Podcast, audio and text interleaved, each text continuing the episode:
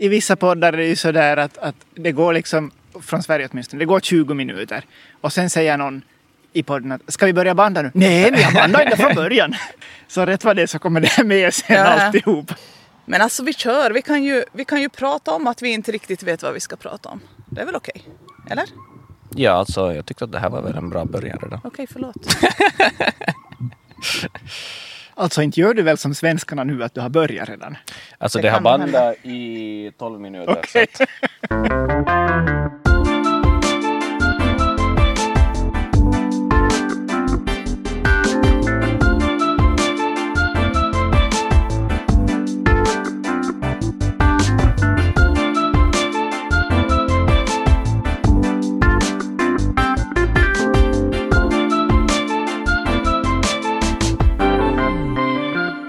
dricka kaffe nu? nu dricker vi kaffe. Ehm, det här är alltså samma brasilianskt kaffe som vi hade i senaste avsnittet. Fruktigt, karamell och choklad. Skriver de det.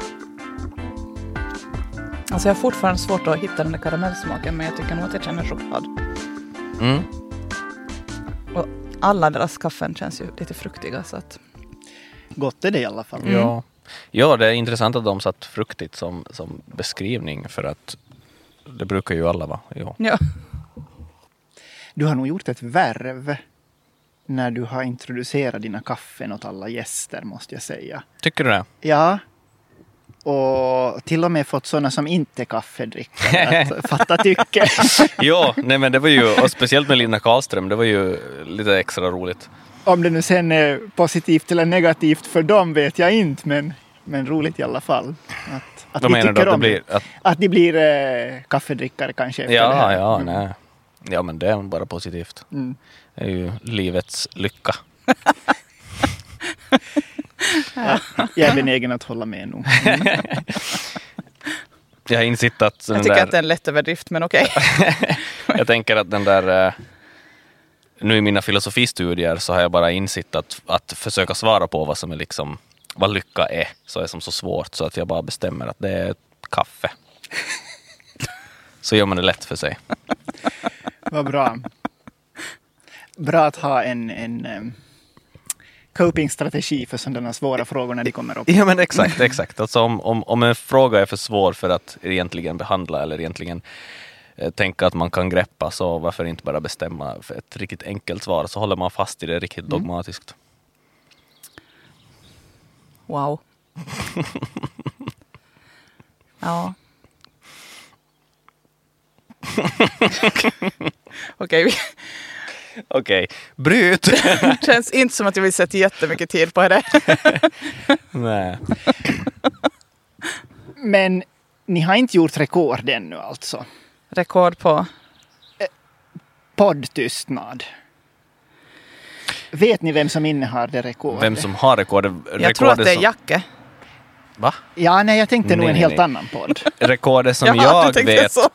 alltså som jag har hört så var när Navid Modiri meditera med Jimmy Åkesson i sin podd.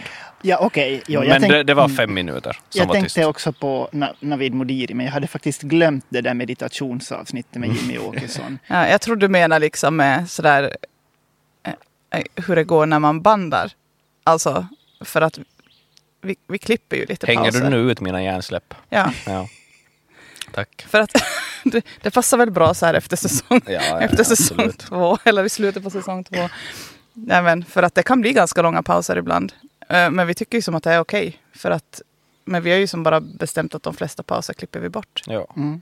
Men vi klipper ju inte bort något annat. Men Mm. vi klipper bort pauser. Okej. Mm. Så att det ska vara skönt att höra på så att det inte blir som så. Ibland kan det ju bli väldigt långt, antingen om Jacke eller någon av gästerna liksom behöver sitta och fundera en stund innan man vet vad man vill svara på en grej eller vad man vill fråga. Eller, alltså så här. Och det är ju okej, men Mm.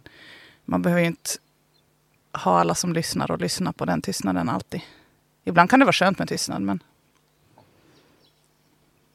ja, exakt. Och ibland blir det onaturligt om alla tystnader försvinner för att om vi ändå sänder samtal så behöver det ju ändå ibland höras att man funderar några sekunder. ja. Mm. Och sånt har vi ju nog med. Absolut.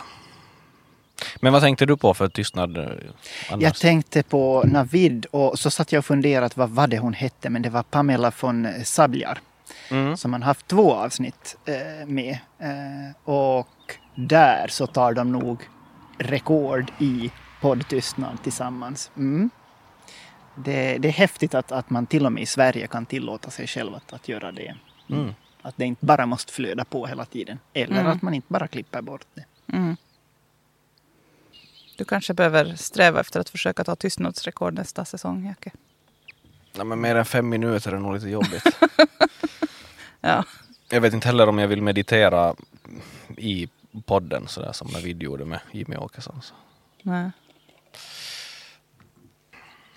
Jag tänkte på hur lätt eller svårt hade varit att sätta ihop säsongen.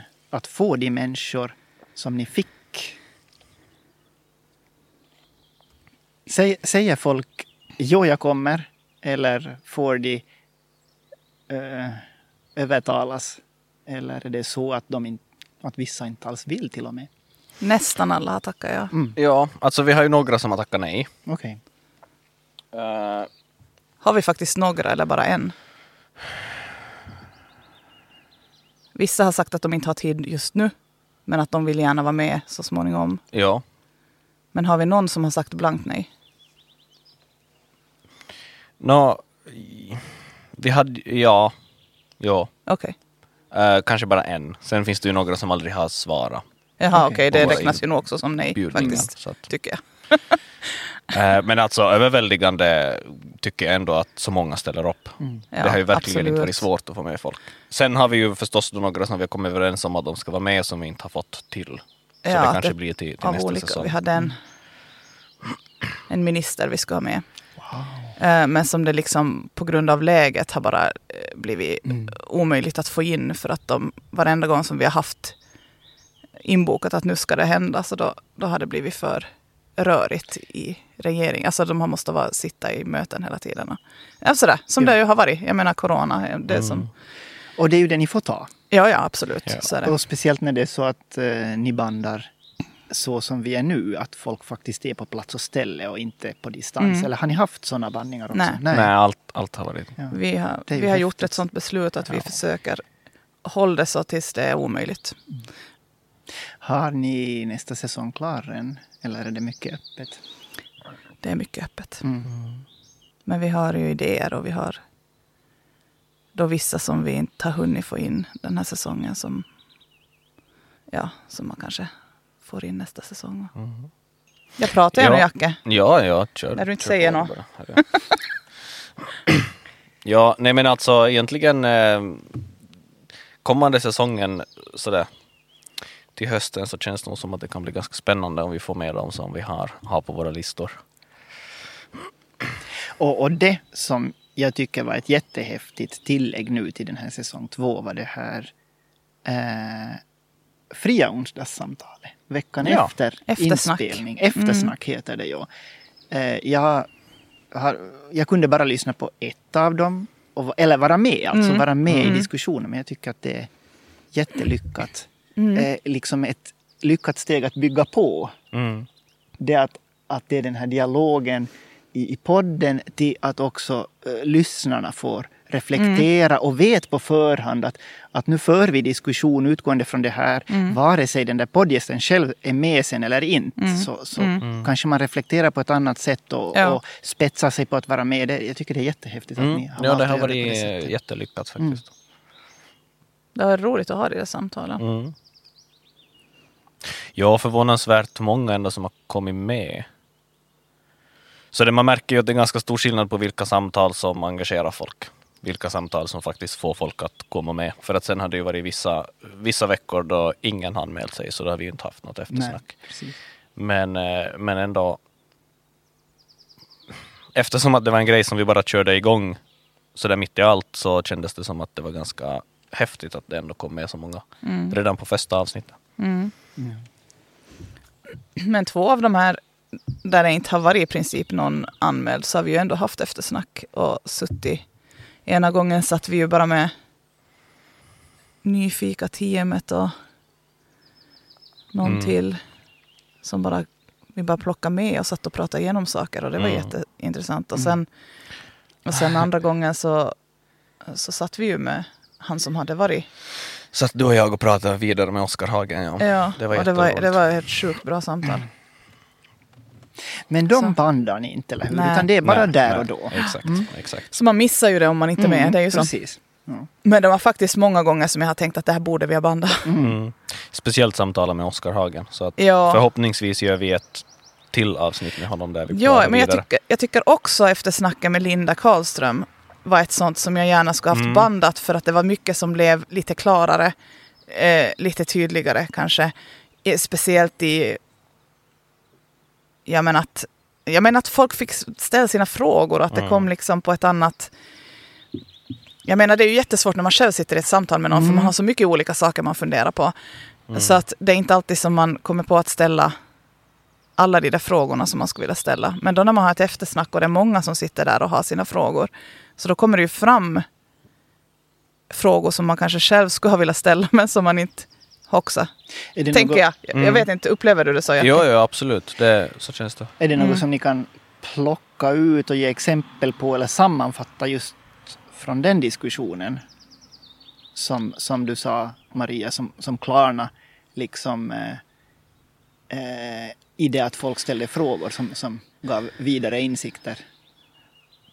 Ja, men det blev kanske bara tydligare att det, att det var sådär väldigt det här att, att ja men okej, det som är min känsla från den, det Mm. snacket, så var sådär att, att det att en människa har sina åsikter och, och liksom lägger fram sina funderingar om en sak, även om det kan vara väldigt kontroversiellt, så är ju ingen, inget farligt. Och människor kan ju tänka själv.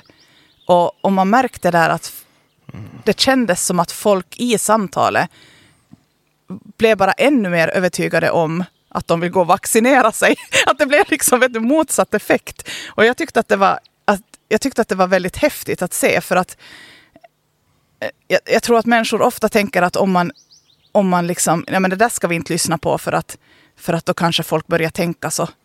Mm. Medan jag tänker att om man på riktigt tänker och lyssnar vad folk säger så landar man väl i någonting slags vettigt om man inte själv är väldigt förvirrad. Alltså jag menar om, man, om man försöker som tänka logiskt och, och på något sätt eh, ja, men, titta på vetenskapen och våga lyssna på vad människor säger och funderar. Det är ju ingen, alltså det är ingen fara med att lyssna på vad människor säger och funderar. Nej. För att jag behöver ju inte, min värld rubbas ju inte av att en människa tycker helt annorlunda än vad jag tycker. Mm. Eller tänker helt annorlunda. Och just i den tänker. diskussionen så eh, liksom också både poddsamt Ja, diskussionen var jag inte med på, men poddsamtalet och det temat, Mm. diskussionen kring det temat helt överlag som fördes, Mm. så, så är ju just en sån där, där jag upplever väldigt mycket att man, man, man, har, inte, man har inte velat syna och granska eh, sakfrågorna så mycket utan mest bara se till att den där, de där personerna nu tystas och inte ska få en, en plattform. Mm. Och, och, och jag tycker just så där som du Maria sa att, att det är ju på något sätt mycket bättre att, att man istället eh, kan, kan lyfta frågorna, diskutera dem öppet och, och så kan det till och med leda så som du sa i diskussionen att folk i, i högre grad då säger att Nej, men nu tänker jag gå och vaccinera mig. Ja. Om, om det är så. Ja. Och, och det fick mig att tänka på att vad skulle ni säga, är det något ämnen där man borde tänka så, eller några personer där man borde tänka så, att den där får vi inte ge en plattform. Alltså om det är någon som helt uppenbart sitter och uppmanar till, till någon typ av kriminell aktivitet så skulle det kanske kännas som... Alltså, jag skulle ha svårt att se poängen med Ja. att kanske prata med dem då. ja, eller någon som försöker... Jag vet. Men vi skulle ju inte heller... Alltså, Men det där, alltså det är en det jättebra är en fråga. jätte, vi har Och- funderat jättemycket Mm. på det där faktiskt. Och, och någon gång i, i våra diskussioner kring det här, Ja. då, och jag har suttit och pratat Ja. Maira, så, så hade ju, alltså just som att vi har funderat på, okej men någonstans för att vi ska kunna ha ett samtal med någon så måste man ju på något sätt liksom dela någon typ av liksom värdegrund eller man måste liksom dela någonting så att man ändå kan liksom mötas någonstans som människor. Eh, och så det funderar vi på att om, om någon skulle vara liksom totalt inte alls ha samma typ se människor som lika värda eller någonting så kanske det skulle vara jättesvårt, kanske det inte skulle gå. Men då är det ju också sådär att hur vet man det innan man pratar med Nej, den precis. människan? Nej, just Så man kan ju inte döma ut någon innan man sätter sig ner och har ett samtal. Däremot kan jag tänka mig att det skulle kunna gå så att man har ett samtal med någon och så om man märker att de försöker prata, att, att de inte är respektfulla, att de pratar illa om människor eller att de eh, liksom pratar på ett sätt som vi inte kan stå för liksom i aktning för människan. Alltså, eh, så att man bara säger att, att om inte du liksom skärper till dig så bara bryter vi. Alltså jag menar för att, Ja, för att vi skulle aldrig gå med på att jag känner i alla fall att det skulle vara omöjligt att gå med på att någon sitter och säger någonting nedlåtande om någon. Alltså, ja men, typ hetsa till, till något hat mot någon folkgrupp eller, alltså jag menar det, det är ju inte okej. Alltså det, det gör man ju inte. Eller, eller bara att någon Mm. har, gör något personangrepp mot någon och pratar om någon som inte sitter här så att man inte kan liksom, prata och reda ut grejer utan det är liksom Mm. bara, ja, ja. Det finns nog många situationer jag kan tänka mig att skulle bli problematiska. Eh, och det finns nog många människor som jag skulle ha svårt att sitta ner och prata med personligen. Men inte, jag kommer inte på någon nu som jag skulle vara sådär att jag tycker generellt att man inte ska prata Nej. med. Utan det är på grund av mina, att jag har liksom känslomässiga eh, reaktioner kanske på vissa saker. Att man själv har problem med att ta vissa områden. Så då, då kan det vara svårt. Men inte så att jag skulle kategoriskt kunna säga att en människa som den här eller den här eller som gör så här så skulle man aldrig kunna sitta och prata med. Nej. Nej, nej, exakt. Men just det där att man kanske bra potentiellt skulle behöva avbryta ett samtal om det verkligen Mm, inte funkar. Så det är ju absolut. som, det skulle jag nog också vara helt beredd att göra. Mm. Um, Jag, jag har ju hört ett sånt poddsamtal. I, i, förutom er podd så, så lyssnar jag en hel del på poddar från Sverige. Mm. Och, och där är ju hört ett sånt poddsamtal som bara pågick i några minuter och sen, gick, sen steg gästen upp och gick iväg. och jag tror jag vet vilket du menar. Jag vet inte. Det var Alexander Bard. Jag kommer inte ihåg vad podden heter eller vem som var värd men Åh, vänta nu. de höll på bara i några minuter och, och så utbröt det någon sorts ordväxling. Han, han kom dit. Eh, alltså, det var, det var två värd, värdar i podden. Den ena var då en mörkhyad. Den andra, jag vet inte, var han bara väldigt skäggig? Eller någonting. Kanske. Och så kom Alexander dit och så sätter han sig ner och så är han sådär att oj vad roligt, en, en ordet, eh, en buske och en bög sätter sig ner och pratar eller någonting sånt liksom, drar det som ett skämt. Och, och, och, och han är ju förstås så frispråkig så han censurerar ju inte si- sina ord överhuvudtaget. Och, eh, så var det några minuters ordväxling varav Alexander var typ blev upprörd över att det inte gick att skämta överhuvudtaget. Han ville bara liksom känna på pulsen att var kan man skämta i, i den här settingen, typ, sa han. Och så stormade han ut och uh, that's it. Och det lustiga var då att de båda världarna, de, de fortsatte. Alltså det, det som jag har sett är en eh, videoversion av det. Och Ja. det måste ju Ja, det måste ju ha varit världarna som gjorde den. Och de valde liksom att fortsätta det eh, när de sitter och diskuterar sinsemellan och säger typ att ja men jag sa ju att det skulle gå så här. ja, exakt. innan de sen bryter. ja, jag minns det. Det var ganska roligt.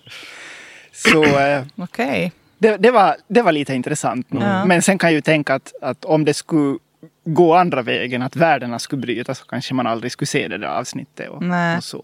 Men, Fast ja. jag skulle nog, alltså skulle vi avbryta ett samtal så skulle vi nog sända Ja. det så som det blev. För vi vill ju ändå liksom sända genuina samtal. Och om Precis. det blir så att vi inte överhuvudtaget kan fortsätta prata med varandra så då skulle vi låta det vara så. För att det är Ja. ju ändå en sak som jag tycker att folk då behöver få se och höra. Att hur, hur går det då till? Precis. Och, och så kommer jag på ännu någonting när jag tänker på eh, olika poddar och, och, och just till exempel Navid Modiris podd. eh, att han ju råkade ut för det. Att någon skulle ha sagt att nej men eftersom ni har haft den där personen så tänker inte jag komma. Nej, vi, vi, är, vi, är inte så, vi har inte hunnit bli så, eh, vad ska vi säga, att folk reagerar så mycket på oss ännu. Vi får väldigt lite feedback. Vi har haft Ja. en människa som har varit fruktansvärt arg på att vi hade med Linda. Mm. Det är ungefär det. Eh, Och, och vi, ja, Ja. exakt. Och, och sen typ hade vi kontakt med eh, eller det var sån där funderingar med Vasabladet om de skulle ha skrivit någonting om det där avsnittet med Linda men de tyckte att vi hade för få kritiska frågor. ja. Så att Okej. det, det ville de inte beröra heller. Så Okej. att det är ju som... Men inte har vi annars haft någon sån där beröringsskräck att folk Nej. tycker att, att om den här människan har suttit där och pratat då kommer inte jag. Och jag tror inte att det är riktigt lika hett i svensk Finland. Nej, nej, men och folk är bara tyst. Man får inte höra så mycket. Nej, precis. Oftast. Mm. Och jag, jag vet inte. Och det är inte, det är inte samma, riktigt samma klimat här heller att man faktiskt skulle säga. Det är väldigt få som skulle våga, eller som skulle vara så där ja, men dömande. Mm. Så att man skulle vara sådär att man kan inte ens vara i samma podd för att någon annan har varit med. Alltså det är som lite sådär. Jag menar, skulle inte det vara smart, alltså tänker man i de banorna så tänker jag att då är det väl smart att man får vara där och säga sin egen Mm. sida. Varför ska man... Jag menar, det är ju som att jag kan inte vara i ett... Jag kan inte gå och handla i en butik där någon, den och den personen har handlat. Alltså, hur logiskt det här? Alltså det är ju liksom... Jag förstår inte alls det där. Det, det Nej, är alltså som den där beröringsskräcken är totalt irrationell. Jag tänker att man, man måste... Jag vet inte. Ur mitt perspektiv så tänker jag att, att man... Om det är någonting som är vansinnigt fel. Så om man då anser att man har bättre åsikter och funderingar själv. Är det då inte bättre att man ger sig in dit och liksom förbättrar den situationen istället för att bara det där håller jag mig undan, de där ska vi inte ens peta på, det där ska vi inte ens låtsas att finns. Alltså, ingenting blir ju bättre. Om det, om det är en människa som blir nonchalerad, som har väldigt starka åsikter om någonting, då kommer ju den människan bara att skrika högre och högre och högre och göra värre och värre saker, tänker jag, tills någon lyssnar. Ingen människa vill ju bli nonchalerad. Eh, och det kan ha varit en jätteliten sak från början. Men om man bara blir nonchalerad gång på gång så, så, så gör man ju mera och mera väsen av sig tills man märker att någon lyssnar. Plus att de som understöder den människan kommer ju att liksom alltså bli ännu mer hårda. Alltså liksom i att ha en känsla av att hela världen är emot oss Ja. och nu är det vi mot dem. Ja. Och man går liksom in i en krigarattityd på ett helt Ja, annat sätt som absolut. man annars skulle behöva göra. Så det är ju otroligt kontraproduktivt. Men, men jag tror ju på något sätt, det verkar som att Svenskfinland är ganska lugnt just som du säger med det där. Ja. Alltså, och Vi, vi vill att allt ska vara så trevligt exakt. Och det här var någon som berättade åt mig också som har jobbat alltså som, som journalist eller jobbat med, inom mycket media. Att typ debattprogram i Svenskfinland blir generellt sett knappt debattprogram. För att fastän man liksom bjuder in folk som har olika åsikter och så innan man typ börjar sändningen så kan man liksom se att de sitter och, och diskuterar med varandra om det är lite skavigt eller lite olika åsikter som möts. Och så sen så börjar man banda och så sitter man ungefär och håller med varandra för att man, man är så bra på att ändå liksom hitta de där punkterna där man håller med. Just Så det ble, blir liksom aldrig någon direkt konflikt offentligt. precis. Nej. Men så där har det ju varit lite med dig också med dina samtal i podden. Ja, alltså, Jacke, vi Jacke är lite hittar in- frustrerad över att han inte hittar någon som sätter emot ordentligt. Fast, fast du är ju också bra på att hitta de där... Ja, alltså, Alltså- ja, ja, ja, exakt. Jag är ju för bra på det. Ja, Men jag tycker till exempel i eh, det här eh, hållbarhet och klimataktivismprogrammet med Julia så, Mm. så tycker jag att, att, att du var ganska rak på Mm. att säga vissa saker. Det är riktigt sådär så att jag reagerar på det faktiskt. Ja. Mm. Att, att där Men var det- du inte enbart upplyftande och medhållande. Nej, nej, men, men då ville jag ju att det skulle bli lite mer käbbel. Men det var ju som sådär att... och hon bara ja, du har Ja, rätt. men- Jag menar det blev liksom sådär. Ja, exakt. Men, men det, Ja. tycker, det tycker jag också är en... Och, och det kanske kom fram i det avsnittet också att hon, hon, hon framhöll nog det också att man, man måste inte vara så liksom eh, polariserad att, att on-off. Eh, antingen eller utan, utan det kan få finnas nyans Ja, absolut. också i ett ganska intensivt Absolut. engagemang. Och att Absolut. man Ja. kan se saker från en annan sida. Och det reagerar jag också på. och, och det var ju jätteintressant att Ja. prata med henne om för att hon hade ju verkligen alltså, lärt sig det genom att uppleva det. Mm. I, och, och, och det har ju gjort att hon blev mycket mer nyanserad så det var jättelätt att prata med henne just därför. Mm. Alltså, men jä- jätteintressant att, att det där kom upp. Och, och jag tycker ju att hela grejen är så spännande just med med det där som hon berättade om Zero Waste, hennes Zero Waste engagemang och att det gjorde att hon kunde inte se någonting annat än skräp och plast och det blev liksom hela hennes liv Precis. och allt fokus kom på det. Och det känns ju liksom inte hälsosamt eller vettigt överhuvudtaget. Men det är ju som samma sak med allt, alltså så fort man fokuserar på en enda grej som man tänker att liksom världens välmående hänger upp sig på så, så blir man ju blind för allt annat. Ja, likadant som om man är om man tror att allt som har farit snett i samhället är männens fel så då, då ser man bara det. Mm. Mm. Eh, Fast man kanske om man inte skulle stirra sig blind på det kanske skulle se en större bild. Jag vet inte varför jag tog upp just det men jag försöker Mm. bara komma Ja, på ja, någonting. men det är ett jättebra exempel. Men, eller, eller sen att, att om man är, har problem med alkohol till exempel. Eh, så ser man när man försöker slippa det, slippa liksom ett beroende eller någonting. Så, så, så verkar det ju som att man bara ser den, den biten.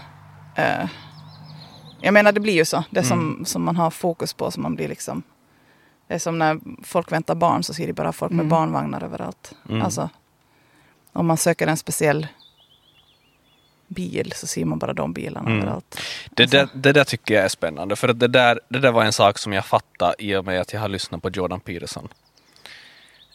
för att han, han pratar ju just om sånt där att typ, för att vi ska kunna se typ någonting överhuvudtaget, han pratar ju lite metafysiskt ganska ofta, så det är liksom för att vi ska kunna se någonting överhuvudtaget så måste vi liksom ha någon slags eh, värdering i grunden. Att man ser typ bara det som vi, som man har bestämt eller som man eh, är inställd på att ska vara viktigt att säga typ. För att vi ska kunna gallra ut så att inte vi liksom ser allt i universum eller allt i verkligheten eller whatever. Jag vet inte, lite så här flummigt. Men ehm, men just som, alltså, för att det där är ju ett så vanligt fenomen att köper man en ny bil eller en, ny, en modell som inte man har köpt, eh, kört med för så ser man den plötsligt precis överallt och så tänker man att hur är det möjligt att alla människor har köpt en sån här bil just den här veckan? Men för att man noterar inte dem annars för att det, inte, det ta, talar inte till en, det är inte viktigt. Och det är som ett jätte, sån där, alltså intressant psykologiskt fenomen på något sätt. Mm, det där du säger kan jag nog, eh, och, och de exempel som du gav före det Maria kan jag nog, eh, kan jag nog känna igen och tillämpa i, i många Mm. olika diskussioner och, och, och teman. Mm, helt klart. Ja, jag blev lite intresserad av det där förra spåret eh, som handlar om hur vi för debatt i svensk Finland. Och, och jag var intresserad av att om ni har pejl på eh, svensk Finla, Svenskfinlands debattklimat jämfört med Sverige det finska debattklimatet. Har, har ni liksom tänkt i de banorna? Vet ingenting om Finland. Mm. Alltså, Ja men alltså det, det är ju... Jag hänger ju inte med i finskspråkiga debatter. Helt enkelt för Mm. att jag liksom... No, jag lyssnar inte mycket på någonting överhuvudtaget. Alltså jag lyssnar... Jag läser en hel del. Eh, jag lyssnar på väldigt utvalda saker. För att jag bara behöver få ha ganska mycket tyst. För att vi annars inte har så tyst runt oss Mm. när vi har mycket människor som kommer och går och sådär. Så jag, det är sällan som jag bara har på någonting för att lyssna och ta in någonting. Så jag lyssnar ju inte på finska debatter för att jag dessutom har svårt med, med finskan. Då måste jag göra en ansträngning för att hänga med. Eh, så att om jag lyssnar på debatter så går de ju på svenska. Precis. Jag tänker, eh, jag har tänkt mig lite så här att, att vi kanske på svenska i Finland är mer benägna att anamma eh, debatten och diskussionen i Sverige. mm. Låt säga gällande jämställdhet eller, eh, invandringspolitiska frågor eller så. För att vi har ett gemensamt språk. Och, och att vi till och med ibland eh, i Finland på svenska nästan kan föra Sveriges debatt hos oss. Absolut. Bara för att vi är liksom en del i deras Ja, gemenskap. Ja, ja, På samma sätt som vi också för amerikansk debatt här Exakt. för att det skrivs så mycket om det i medierna. Precis. Men, men det där är nog intressant för att jag tycker personligen att det är så mycket, alltså, alltså så jätteroligt att följa med då, typ Mm. debatter i Sverige just för att det är ofta mycket hetare. Mm. Och det är liksom mer sådär uh, färgfyllt debatt. Alltså, nej okej, inte som att debattklimatet där är jättebra, Mm. men liksom att det Det händer i alla det, fall det grejer. händer lite saker, så det är liksom underhållande att följa med. Just det. Jag tycker att det finns inte riktigt på samma... Alltså det är mer så att man sitter och skrattar. Det är mer så att man sitter och skrattar åt att att de liksom inte kan, alltså då i de där heta debatterna, som att okej, det här blir ju roligt för att de verkligen inte hör vad den andra säger överhuvudtaget. Alltså att det blir som sådär nästan hysteriskt Mm, mm. ibland. Jo, jag Men det är lite förvånande tycker jag. Ja, alltså det här eh, kom väldigt starkt för mig eh, i, ja, för ett år sedan, i slutet på juni i fjol, när eh, finska regeringen gav ut sitt intersektionalitetsfeministiska jämställdhetsprogram.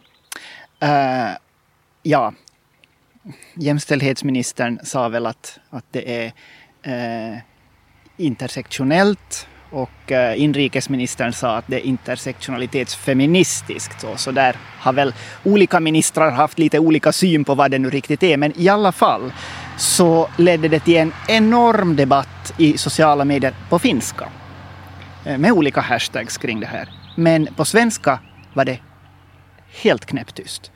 Så tänkte jag då att, att v- varför var det så här? Eh, fi- Finns det liksom någon orsak till, till att det var så här? För nu, nu brukar vi ju diskutera på svenska, men just, just eh, i, i den eh, diskussionen så, så var det ganska så tyst på, på svenska i Finland. Och, och, ja, då, då tänkte jag till och med så långt att Mm. kan det vara så här att det där skulle ha varit en icke-fråga i Sverige?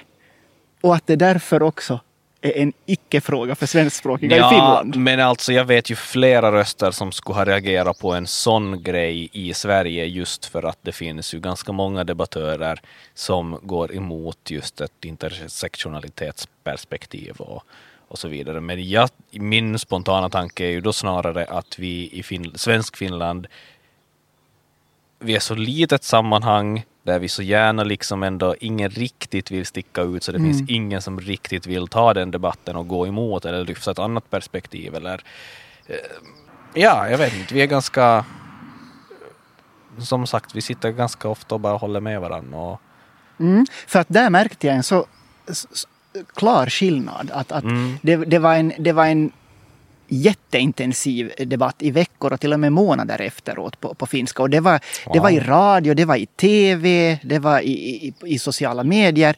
Och jag försökte följa upp men jag, jag hittade nästan ingenting på svenska. nej, jag har inte hört någonting om det Nej, här. det- så Jag det visste var lite knappt att vi intressant. hade en jämställdhetsminister. Ja, vi har en, jämställ, en minister för jämställdhet och nordiskt samarbete. Jag, jag tror, nu när du säger det där, så tror jag faktiskt att han har fått frågan att hur känns det att, att vara den där anonyma ministern som ingen vet om. Aha, och, just och, det. och det Jaha, gav, den han. Jo, och det gav han ett, ett bra svar Är det, på. Är det riktigt, det är jäm, är det riktigt jämställt? Intressant att man tänker sig att en jämställdhetsminister automatiskt skulle vara en kvinna. Ja, för jag tänkte att det är en kvinna. Jag tänkte också, men i och för sig nästan alla ministrar som syns nu är kvinnor. Så ja, ju så i det är och väl det också i och för men, sig. Men, men ja. Jag menar man skulle ju ha haft rätt i ganska många fall. ja, Men, men det här berör lite en sak som jag också tänkt på som jag skulle vilja prata om pinsamt lite. att jag inte visste att vi har en jämställdhetsminister Nej, som är en alltså- man. Du, du är inte den enda. Pinsamt Och, och han, jag tror inte att han tar illa vid sig. Han, han gör ett, ett gott arbete och, och jobbar på helt oberoende. Wow, ja. Spännande. Ehm, ja, men just gällande debattklimatet i Svenskfinland så har jag också en sån här känsla av att sådär att man är ganska rädd att sticka ut. Mm. Och jag tror att man är också rädd att prata om andra specifika människor i Svenskfinland. Mm. Så att om man skulle sitta och debattera och sitta och prata om vad person X har sagt och gjort och, och vad den personen tänker sig och hur den personen liksom har för argument och så vidare och så vidare så behöver man prata om en enskild person. Jag tror att det är ganska få som är jätte som är jättevilliga att göra det i Svenskfinland just för att vi är så litet sammanhang. Jag har nog själv också varit i det sammanhanget. Jag, jag satt eh, för eh, ett par, tre år sedan i, ett, gans, i en ganska intensiv diskussion eh, i, i finsk lokalradio i Åbo. Mm. Då gällande gällande mansdagsevenemanget då 2018 ja. så satt jag i en, en ganska intensiv debatt tillsammans med eh, Åbo Akademis dekanus här från Vasa för fakulteten för, för pedagogik. Men det gick på finska? Och det gick på finska. Mm. Och, och, vi var båda två där i Åbo. Och den finska reportern så, så, så var ganska rak på att fråga att, att, att no, no, no, kuka se oli, joka ei sitten tullutkaan? Att, att mm. vem var det som, som ni bjöd in men som inte kom? Och, och, och, och jag satt där och, och, och, det här och sa att no, vi behöver inte gå in på det, mm. satt jag i direktsändning och sa. Eh, och, och, han, han var ganska påstridig, den finska reportern. Ja. Så att, att, att, att, att ei kun nyt puhutaan eh, suoralla nimellä, nimillä. Mm. Men, men jag, jag lät det bero. Så, så där, där var jag faktiskt själv också så som du sa. Mm. Att jag tyckte att nej, men vi, jag, jag, vill inte lyfta fram de personnamnen här. Men samma sak hände ju här i, då vi pratade om en minister som vi inte fick till samtalet med. Ja. Okej. Okay. var ju ja. som också sådär, inte egentligen... Inte sa vi ju namnet. Jag, jag tycker Nej. inte att det är problematiskt egentligen att säga att det var Anna-Maja Henriksson. Men vi sa ju inte det. Nej, okej. Okay. Nej.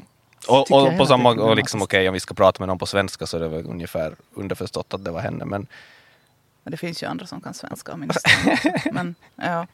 ja. Jo, men alltså det är, väl, det är väl en balansgång det där för att man vill ju inte heller få det att låta som att man försöker prata ner någon. Eller Nej. liksom, för att det är ju inte om... Ja, det är ju som knepigt. Jag, mm. jag, har inte problem med att man är rak och ärlig men, mm. men eh, är det liksom plats att vara väldigt rak och ärlig eh, om en person som inte är på plats och kan säga sin mm. bit. Alltså, mm. det är lite sådär, jag, jag har mm. lite allmänt problem med att prata om, om människor som människor. inte kan ja. säga. Ja. Alltså om man gör det så pratar man i allmänna ordalag för att man inte vill liksom mm. uh, hänga ut någon eller, eller uh, få det att låta som att man just försöker prata skit om någon som inte kan försvara sig. Alltså sådär.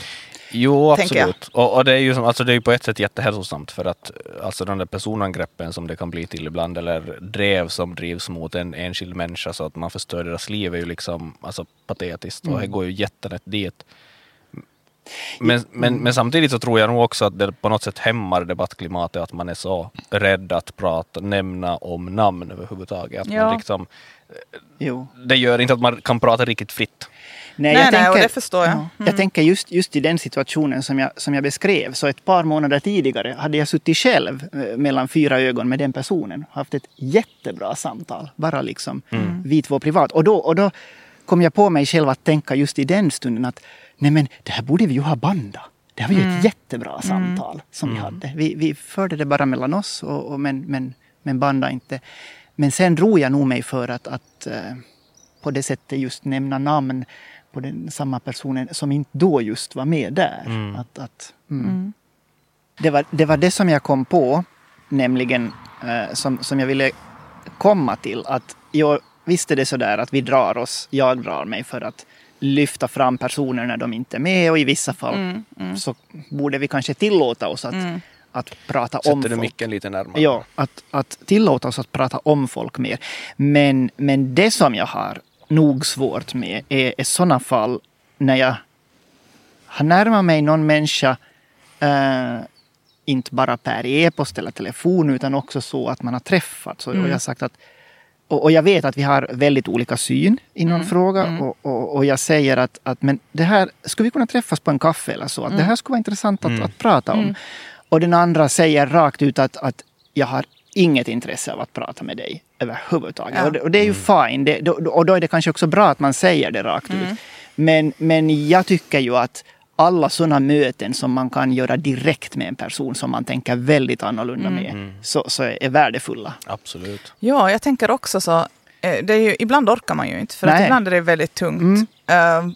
M- Men jag tycker absolut att det är nyttigt. Mm. Och jag tycker absolut att, att man ska välja det så mycket man bara kan. För att man, alltså, när man möts mot varann så alltid lär man sig någonting. Om inte annat så lär man ju sig att hantera en person som har väldigt annorlunda åsikter än en själv.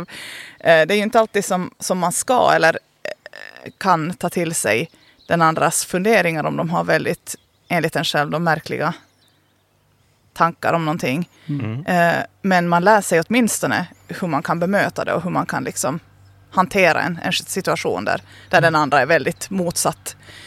Så det är alltid nyttigt. Mm.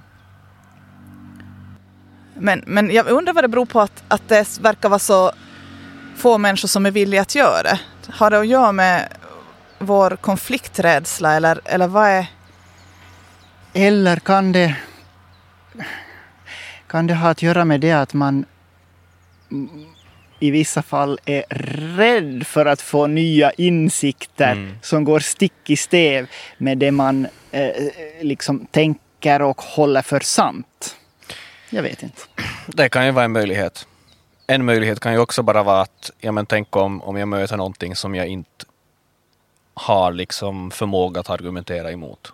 Precis. Det hänger ju lite ihop med den Det, här. det hänger Ja. ihop. Ja. Men, men alltså, ja.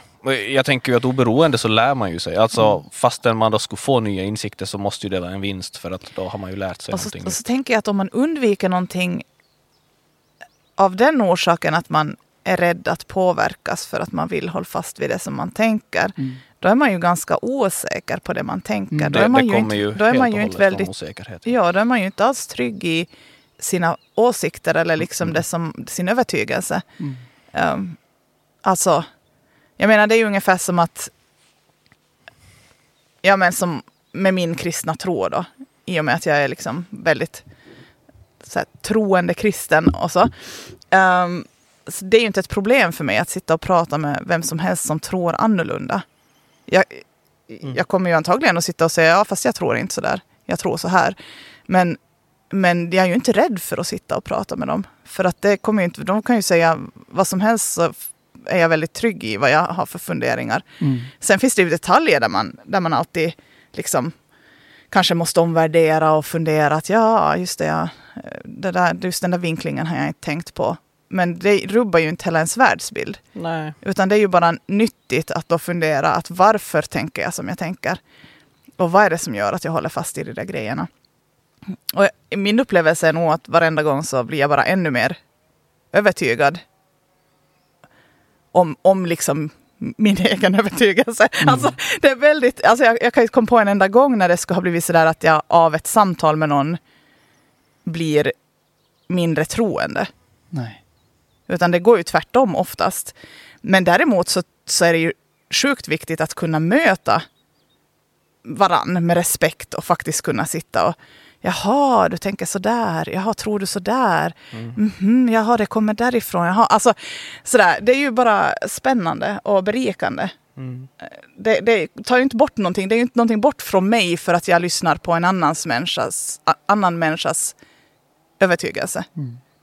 Och det, samma sak gäller ju med jag menar, vilka åsikter som helst. Och nu är ju övertygelse kanske det är ju djupare rotat och, och Mm. mera en starkare grej. Men, Mm. men eh, åsikter kan ju också vara väldigt starka. Att man bara tycker och tänker någonting. Principer som man har eller så här. Mm. Där tror jag nog att, att ni gör ett, en, en... Jag hoppas det i alla fall, att ni gör en gärning för svensk Finland. Att, att fler skulle hocka att, att nej men just det, det finns ju faktiskt ett värde i att, att våga göra de här mötena, de här samtalen Mm. med sådana som inte Mm. alls tänker och tycker som, som jag själv. Ja, jag hoppas, jag hoppas det. Mm. Jag, jag tänker att om det ska ha någon effekt så behöver det ju nå ut till flera. Mm. Jag, jag, jag är väldigt, jag personligen är ju väldigt kluven med de bitarna just. Nu är det ju inte jag som hörs i podden. Jag gör ju en massa bakgrundsarbete och sådär. Eh, och sitter med i samtalen men det är ju Jakob som för dem. Men ändå så min, min sån här... eh, ja men det är så dubbelt. Jag, jag skulle vilja att det ska nå ut till många för att jag vet att det här är en viktig grej och jag tror att vi är någonting, att vi har en viktig del som vi har fått tag i på Mm. något sätt och, och att jag skulle vilja på något sätt kunna vara med och påverka. Um, det här samtalsklimatet. Coolt. Ja, alltså det är charmigt det här med att sitta ute när havsörnar flyger mitt ovanför huvudet på en. Wow. Coolt. Wow. Fint. Faktiskt. Ja, eh, så den biten, ja det är jätteviktigt. Samtidigt så är jag lite rädd för det. Mm. För Att, att, jag, att jag, nå ut mer. att, att, ja men att sticka ut näsan. Mm. För att jag har, Mm. jag har gjort det så mycket när jag var yngre. Och jag har fått smäll så många gånger. Och jag, jag, jag är väldigt sådär, för jag vill, jag vill inte att någon ska vara arg på mig.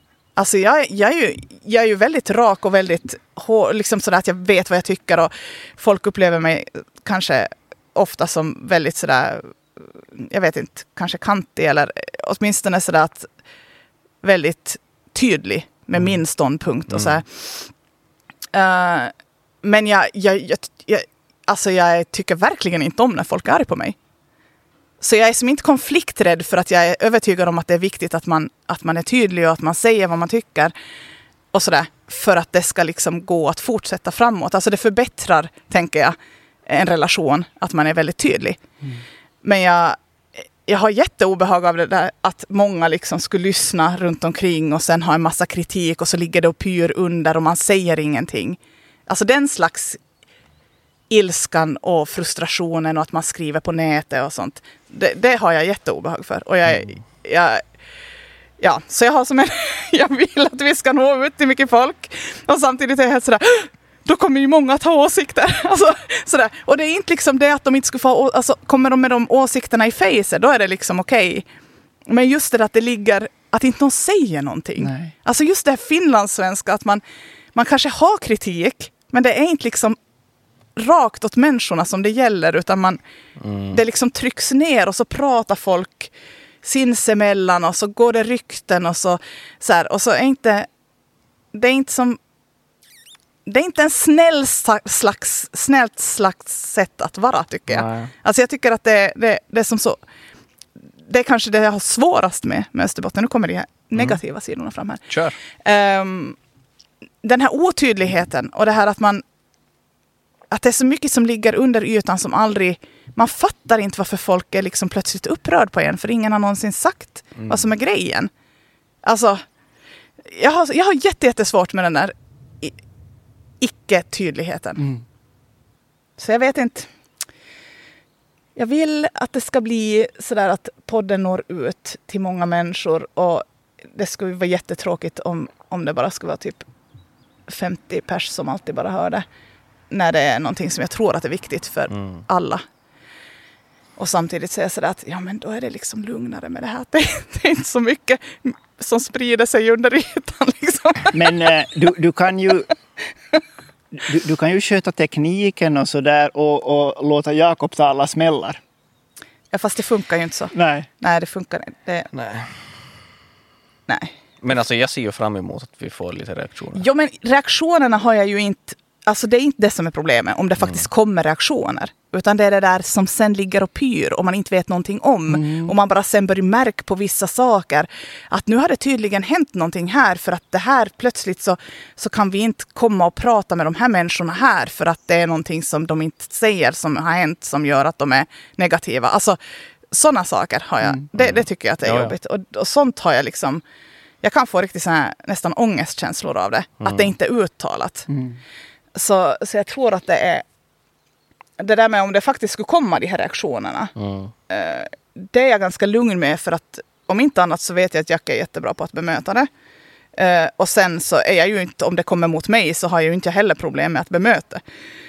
Utan det är nog det där eh, flummiga, outtalade som alltid är det som ligger liksom under ytan och bara finns där och man märker av det men, men det är ingen som uttalar någonting. Det, det är jätte... Det är ett problem för mig. Mm, det som är tydligt och utsagt, det kan man ju bemöta och hantera. Exakt, exakt. Det är just det. Och det är därför jag tycker att det är så viktigt att man säger vad man tycker åt folk. Speciellt när de frågar efter det. Men, men förstås, liksom, i en situation om jag blir irriterad på någonting eh, så försöker jag att på något sätt reda ut det med den människan. Om inte är någonting som jag bara kan släppa. Det är ju annat om, om man känner att man kan släppa det och så är det bara lugnt. Och det är inte någonting som jag går och bär med mig sen. Men då, då har jag ju inte heller behov av att gå och hålla på och prata med en massa andra människor om det, om den här människan. Att hur arg jag är på den människan. Utan jag vill ju ta det med den personen. Mm. Och sen finns det ju gånger när man har försökt ta det med den personen och de inte överhuvudtaget vill prata med en. Mm. Och då, då kan det ju bli så att jag pratar med någon annan för att jag måste få ur mig. Ja, Mm. Mm. typ så. Men jag tycker inte att otydlighet är schysst, helt enkelt.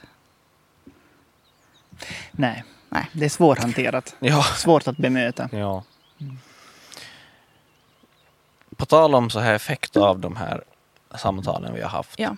Så tänkte jag jag skulle fråga dig om, om du nu skulle vilja, alltså om, om, om inte så tar vi bort min fråga, men alltså om he, att vi pratar om droger med Oskar Hagen och dina liksom bara känslomässiga reaktioner om det, om du kan Ja. berätta någonting om det, för Ja. jag tror jag skulle vara ganska värdefullt. Ja, ja men det kan jag göra. Ehm, ja, det var ju samtalet med Oskar Hagen så visste jag att, att jag, eller jag tänkte att jag kommer att få problem med för att jag visste att han var inte negativ till droger och jag visste att Mm. han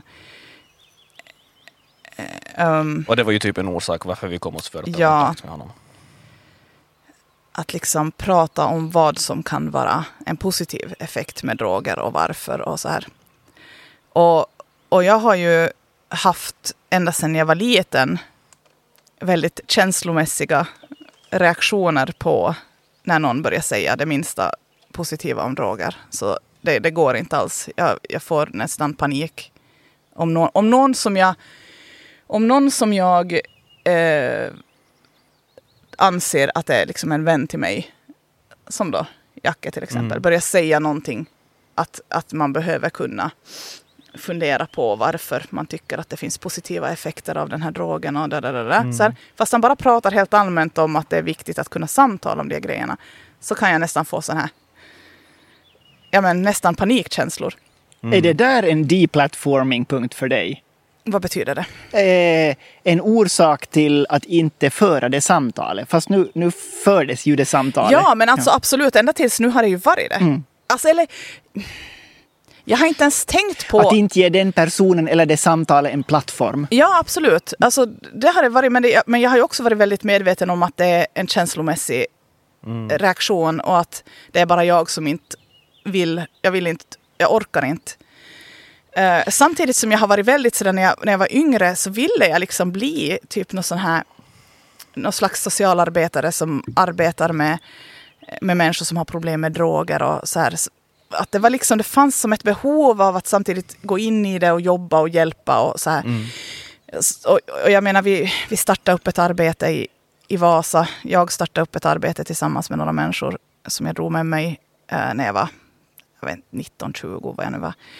Eh, I Vasa där vi var ut varje lördag och delade ut kaffe och bullar åt folk och mötte ju på alla möjliga människor som hade, var fulla och unga människor som tog droger. Och, det här är ju jättelänge sedan, men det var ju, jag menar vi stött på 12-13-åringar som var påtända. Och, alltså det fanns ju allt möjligt. Eh, och allt det var ju liksom, det var ju som ur en längtan att på något sätt finnas där ifall någon lämnar i snön och ligga och uh, frysa ihjäl för att de är fulla. Eller, alltså, så att det fanns, fanns nog en längtan att, att hjälpa, men den där paniken kom ju från att, att jag på något sätt var... Alltså det låter som så stort att säga, tycker jag, att säga att man är traumatiserad, men nu för tiden är det ju inte så stort ord kanske. Men jag var nog traumatiserad av, av eh, händelser ur barndomen och ungdomen för Mm. att jag hade en släkting som, som använde droger. Okej. Och jag såg effekter på... Nu var det inte en släkting som jag liksom... Jag bodde inte med den här människan eller liksom hade jättemycket kontakt. Men jag såg effekterna i mamma och pappa och mina morföräldrar. Och, ja, men, alltså jag såg ju hur det liksom påverkade och, och sådär. Och det blev jätte... På något sätt nästan ångestfyllt för mig. I, inte, inte egentligen då, jag upplevde inte så då. Men efteråt har jag liksom märkt att jag reagerar och har fattat att det, det kommer ju ur det där. För att jag har inte några andra orsaker varför det skulle vara så stor grej för mig. Så det var jobbigt att, att gå in i det här samtalet med Oskar och ändå så var jag sådär att men förstå, jag har ingen orsak varför vi inte skulle göra det. Utan mm. det är bara mina, mina, mina reaktioner. Och jag bara, jag blir bara såhär la la la la la. Jag skulle helst inte vilja liksom, bara, ingen får säga någonting positivt om mm. någonting som är dåligt. ah, inga substanser som är dåliga att stoppa i sig. Och det är ju som så uppenbart så där för mig som känner dig att det är förstås endast en uh, känslomässig reaktion eftersom att du skulle aldrig någonsin liksom tänka på det sättet. Eller liksom att som, alltså, det annars skulle reflektera hur du är mm. på något sätt. Nej. Nej, nej, alltså jag gör ju inte sådär. Nej. Alltså jag är ju väldigt, jag är ganska nyfiken på att prata om saker mm. som kan vara lite jobbiga. Och jag, jag, tycker ju oftast att jag är riktigt i mitt esse när någon kommer med något riktigt jobbigt och berättar någonting riktigt mm. jobbigt och vi får vända och vrida på det. Att det är ju... Men alltså... Det är ju inte så att det är liksom att jag logiskt, med mitt logiska tänkande eller med min person allmänt tycker att man ska nej. undvika svåra saker. Nej, nej, exakt, exakt. Men det är kanske så att du inte nödvändigtvis kan använda en sån diskussion som ni då förde med, visst hette han Oskar? Oskar. Ja. Uh, det är ju kanske inte nödvändigtvis så att du kan använda den som någonting uppbyggligt för dig själv. Som, jo, ja, men det var ju just det, det var det som var grejen. Det var dit okay. ville komma. Det var det som var grejen. Att när jag ändå utsatt mig för det där. Mm -hmm. Och jag var så nervös för det här samtalet. Jag tänkte att det, jag, jag kommer ju ha svårt att sitta där jag kommer ju bara vilja säga saker hela tiden. Liksom, att ja men hör du, faktiskt så. Alltså, så du, bara alltså protestera för att det liksom bara, nu blir det obekvämt och nu får du faktiskt fatta att det här är inte bra. Uh, men, men sen visade det sig ju att när vi satt oss ner med Oscar. För det första var han ju, han hade ju så otroligt skönt sätt att vara tycker jag. Mm. Han var så otroligt eh, bara ödmjuk och, och nyfiken och eh, verkligen inte någon så här eh, förespråkare av droger på det sättet. Utan han, hans approach, och, det, och vi pratade ju bara om det i slutet sen, det var ju inte ens hela, hela snacket som gick ut på det, utan vi pratade mest om hans konst och provocerande och så här. Och det, var ju, det tyckte jag ju var jättespännande också. Eh, men sen i slutet när vi började prata om det här med drogerna och, och vad han har liksom funderat på, vad som, på vilket sätt det på, har haft en psykedeliska droger har haft en bra effekt på hans depression och eh, sånt här. Alltså, det kändes så konstigt lugnt för att han hade så jättebra attityd till det och han var så noga med att säga att han rekommenderar verkligen inte att alla tar droger. Att det är inte det som är grejen. Men att man behöver kunna diskutera det här att, att i eh, ordnade former under liksom uppsyn av läkar, mm. ja, läkare eh, fundera på att skulle det vara bättre att använda i, i vissa fall en psykedelisk drog som kan göra bättre nytta då på en stund än vad andra depressionspreparat gör på flera år mm. som kan vara lika mycket droger som det här. Alltså bara att föra den diskussionen. Mm. Så det var så häftigt att märka hur, hur det bara lossar någonting i mig. Att kunna föra mm. det på det där sättet. Exakt. Och, och det gjorde ju bara förstås då igen i och med att jag märkte att det på riktigt blev en stor förändring. För att jag kände liksom hur det där konstiga känslomässiga trauma som hade funnits där på något sätt bara efter det där samtalet bara inte alls var så där, det var inte alls så ömtåligt numera. Mm. Det var inte som, det är bara lugnt. Mm. För att det hände ju ingenting med mig fast vi pratade om det där och fast vi vände och vred på det där. Uh, fast det annars hade varit så på något sätt ångestfyllt och, mm. Och sådär. Så, så jag blev ju bara ännu mer övertygad om att det här att kunna föra de här samtalen är så vansinnigt viktigt. Om inte annat så för en själv. Absolut. Att det utvecklar en själv och att det jag menar, det här är ju, jag är fortfarande övertygad om att droger generellt är bara skit. Mm. Alltså, jag menar verkligen, varför skulle man vilja stoppa i sig sånt? Sådär. Men, men bara att... Jag menar att kunna liksom se på hur en annan människa ser på det. Mm. Och faktiskt kunna möta de här åsikterna och, och analysera det från alla håll, som jag ju gör med allt annat. Mm. Men det här var nu liksom en känslig grej. så, Mm. så det var väldigt befriande. Det gjorde liksom att, att jag slappnade av mycket ja, mer. men exakt. Och det är ju som just det där som, som känns som så jättecoolt med de här samtalen. Mm. Alltså att det är inte farligt att möta någon fast det känns liksom känslomässigt jobbigt för att det kanske till och med bara är riktigt bra för en. Mm. Så länge det är respektfullt. Sen Ja. finns det ju situationer där, där man kan göra det värre för en människa om man, är, om man inte är respektfull. Absolut. Men det är ju det som är poängen med de här samtalen, att vi vill att det ska vara respektfullt. Och är det inte det så låter vi inte människor prata. Mm. Alltså, Och jag tror att det finns en ganska intressant aspekt av just det där med de här samtalen. Den här typen av samtal som vi för, att liksom primära fokus borde vara att vad, vad gör de åt mig? Alltså på vilket sätt utvecklar det mig att jag sitter och möter de här människorna? Snarare än att jag liksom skulle ha samtal med, med massa extrema märkliga människor som har vilka åsikter som helst för att tänka att hur ska jag få dem att förstå rätt eller ändra uppfattning? ja, alltså, nej, det, det går ju inte. Så kan man ju, att- det utgångsläget kan man ju inte ha, för då blir det inte heller respektfullt. Nej, nej. Det där är nog en, en, en eh, jättebra inkörsport, eller grund att, att Absolut. ha det. absolut. Hur var det du sa? Att vad gör det här med mig, det som den här människan säger? Var det så du Ja, sa? ja, typ. Mm. Och, och liksom alltså att målet på något sätt också borde vara att liksom Utveckla sig själv. utveckla Mm. sig själv och jobba på sig själv snarare än att målet skulle vara hur kan jag utveckla den här människan? För att det var faktiskt en sak som, i och med att jag nu då, jag skulle skriva min gradu i filosofi på något sätt om samtal också. Så jag satt och diskuterade det här med några eh, andra filosofistuderanden kring samtal och ganska snabbt så kom samtalet, alltså diskussionen in på just sånt där liksom att men hur ska man föra de här samtalen typ med högerextrema eller jätte liksom um, bla bla fobiska människor eller vilket som helst liksom att, att hur ska man föra de här samtalen för att liksom kunna öppna deras ögon på något sätt eller liksom bla bla bla. Och, och vi körde den här diskussionen ganska länge och jag liksom tycker inte att det var något konstigt med det. Så mitt i allt bara slog det mig att men vänta nu, det är inte det här som ska vara fokus.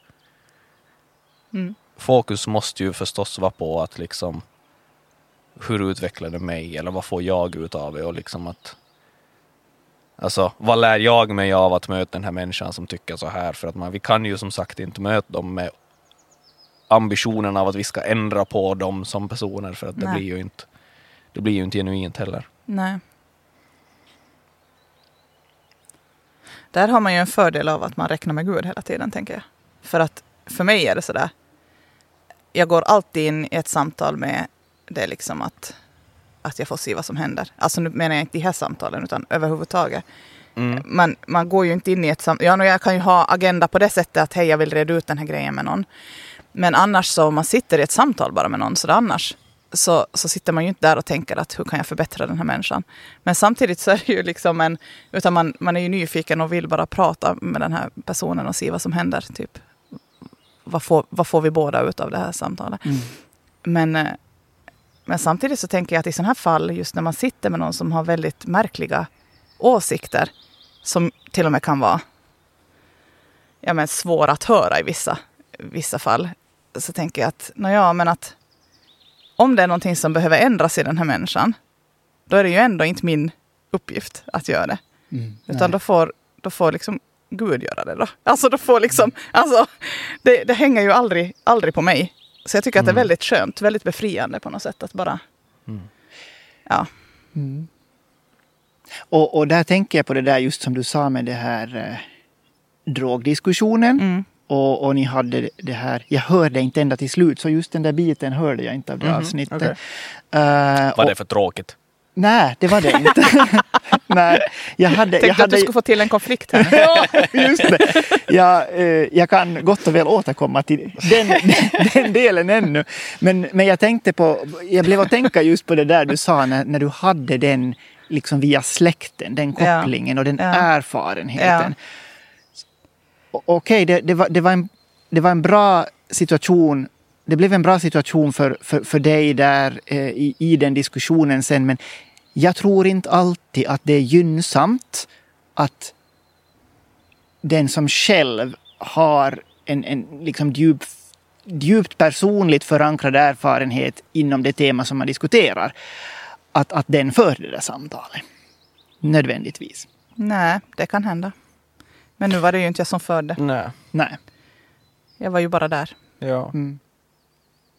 Och, och nu, alltså ja, men jag det skulle där är inte ha velat det- föra men- det där Nej. samtalet heller. Nej, nej, exakt. är Och det var inte heller så att, ja, jag tänkte liksom, jag har ju hört ibland att du flikar in med Ja, någonting. nej, nej, nej. Och det var det jag var rädd att jag skulle inte kunna låta bli. Okej. Mm. Mm. Alltså, men jag, jag hade väldigt klart för mig att jag vill verkligen inte vara med i det här samtalet. Alltså säga någonting. Men alltså det finns ju nog absolut en vishet i att inse just liksom på grund av sånt där vilka samtal man själv inte bör gå in i för att man inte kan kanske kan göra det sakligt. ja. Men alltså nu skulle det ju, tror jag ju inte att det skulle vara ett problem för Nej, dig. jag, tr- jag tror inte det. är Det det som, händer som känns som så intressant att det liksom verkligen släppt någonting. Ja, det hände jätte, jättemycket i det där. Faktiskt i det samtalet. Och jag sa, jag sa det nog åt Oskar sen efteråt också. Att Mm. Jag berättade åt honom då, efter samtalet, att jag hade varit jättenervös och berättat varför. Och, och sådär. Så, ja. Mm. Ja, men, men alltså som sagt, jag tror nog absolut att det finns en, en, en insikt och en vishet i det där. Samtidigt så kan man ju inte göra en regel av det för att Nej. i vissa fall kan det ju vara så att det är det som behövs. Att man faktiskt går själv in- går in i ett sånt där samtal och, och någonting liksom lossnar. Det, det kan vara, det kan vara en drivkraft. Men det kan också begränsa. Ja. Absolut. Jag, jag tror, det som jag har observerat i, i det vad jag nu har diskuterat och fört fram frågor om jämställdhet, så där tror jag att det ibland kan vara begränsande. Inte alltid, men i en hel del fall så tror jag att det kan vara begränsande eh, att någon som själv till exempel har en personlig övergreppsupplevelse Mm. Mm. eh, är engagerad i eh, arbete med att, att liksom, eh, stävja partnervåld eller sådana övergrepp. Eh, därför att då kan det vara svårare att, att se det ur ett helhetsperspektiv om det finns vissa komponenter och ingredienser som, som blir stötande för en själv. Mm. Det, det är Då- liksom... Mm, Jo, jo, exakt. Men då spelar det ju förstås roll om det där trauma fortfarande binder personen på något sätt. mm, För att, alltså då kan det ju förstås vara problematiskt. Eh, samtidigt så är det ju självklart, eh, för mig i alla fall, att någon som har sådana upplevelser och har kommit förbi det och bearbetat det bättre kan hjälpa andra. helt klart. Ja. Men att liksom ingå i, i någon liksom offentlig debatt kring de här sakerna där man måste kunna prata om allting vitt och brett och måste kunna se det från olika perspektiv och det måste vara tillåtet att lyfta upp vilka frågor och perspektiv som helst. Så där kan det ju absolut vara begränsande om det blir väldigt känslomässiga reaktioner. Precis. Och, och det där ser jag som en ganska avgörande sak. Att man faktiskt har fått möjlighet att, bearbeta. det där trauma, eh, lik- fått terapistöd för det. Eh, när man sen ger sig in i vare sig det är diskussionen eller främjande arbetet med det här.